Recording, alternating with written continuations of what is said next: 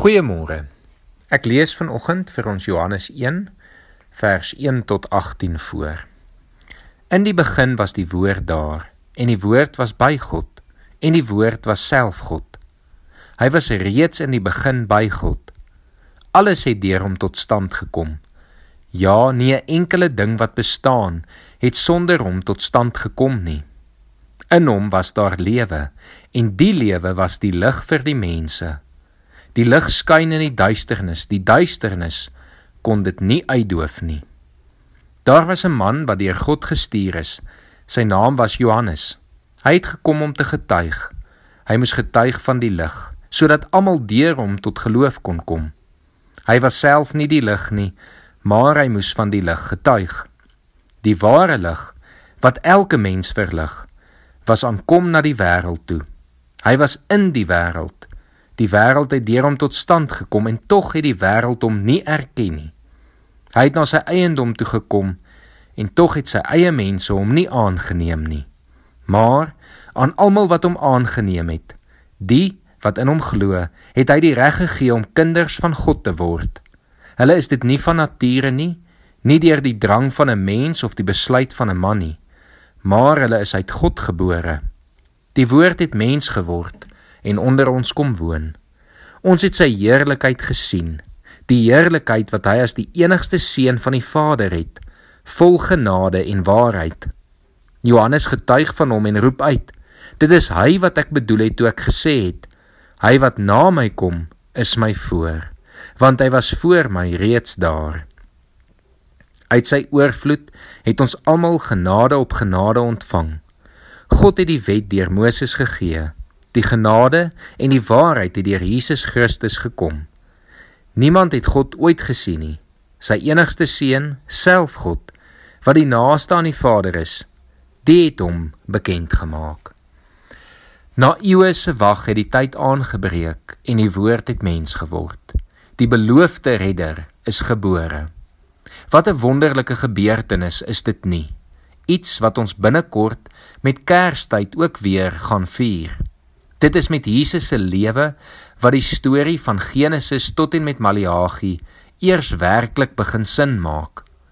Jesus wat bereid was om mens te word en sy lewe vir ons te gee aan die kruis sodat hy die dood kon oorwin en die dood nooit weer 'n houvas op ons as gelowiges sal hê nie.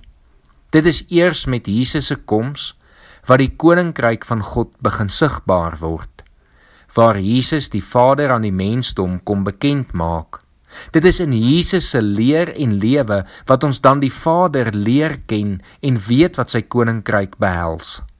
'n Paar volgelinge van Jesus glo dit. 'n Paar van hulle glo in hom. En so begin hierdie beweging momentum kry. Toegerus deur die Heilige Gees begin 'n paar manne vertel van God se redding deur Jesus Christus en nog mense kom tot geloof. Ons lees in Handelinge 2 dat God elke dag nog mense by die gelowiges gevoeg het. So ontstaan die vroeë kerk en die eerste gemeentes.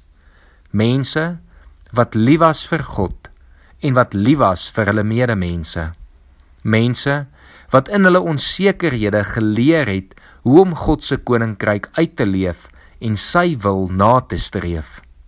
Daarom dat die briewe geskryf aan hierdie gemeentes vir ons so kosbaar is, wat 'n groot deel van die Nuwe Testament opneem, wat raad gee, wat leiding gee tot en met vandag. Dit help ons om in ons eie lewens te weet wat dit behels om Jesus te dien. En indien ons die Bybel reg lees, sal ons weet dat ons as gelowiges, ons as gemeentes van vandag nog net so deel is van dieselfde kerk wat net soos hierdie eerste gelowiges nog dieselfde roeping het om uit te leef. Ons wag saam met hierdie gelowiges vir God om sy verlossingsplan te voltooi, deur sy koninkryk wêreldwyd te verkondig en dan te wag vir sy wederkoms waar hy 'n nuwe hemel en 'n nuwe aarde sal vestig. Kom ons bid saam. Here ons dankie dat U bereid was om mens te word. Dat U bereid was om soos Filippense sê die gestalte van 'n slaaf aan te neem. Dat U gehoorsaam was tot en met U dood aan die kruis. Here ons dankie dat dit beteken het dat ons vergewe is. Ons dankie dat U opgestaan het en dat dit beteken ons kan saam met U lewe. Ons dankie vir elke gelowige wat van daardie eerste dag af in U geglo het, wat die storie vertel het en versprei het, sodat ons vandag ook dit kan ken en daarin kan glo. Here, dankie dat U ons kom red het.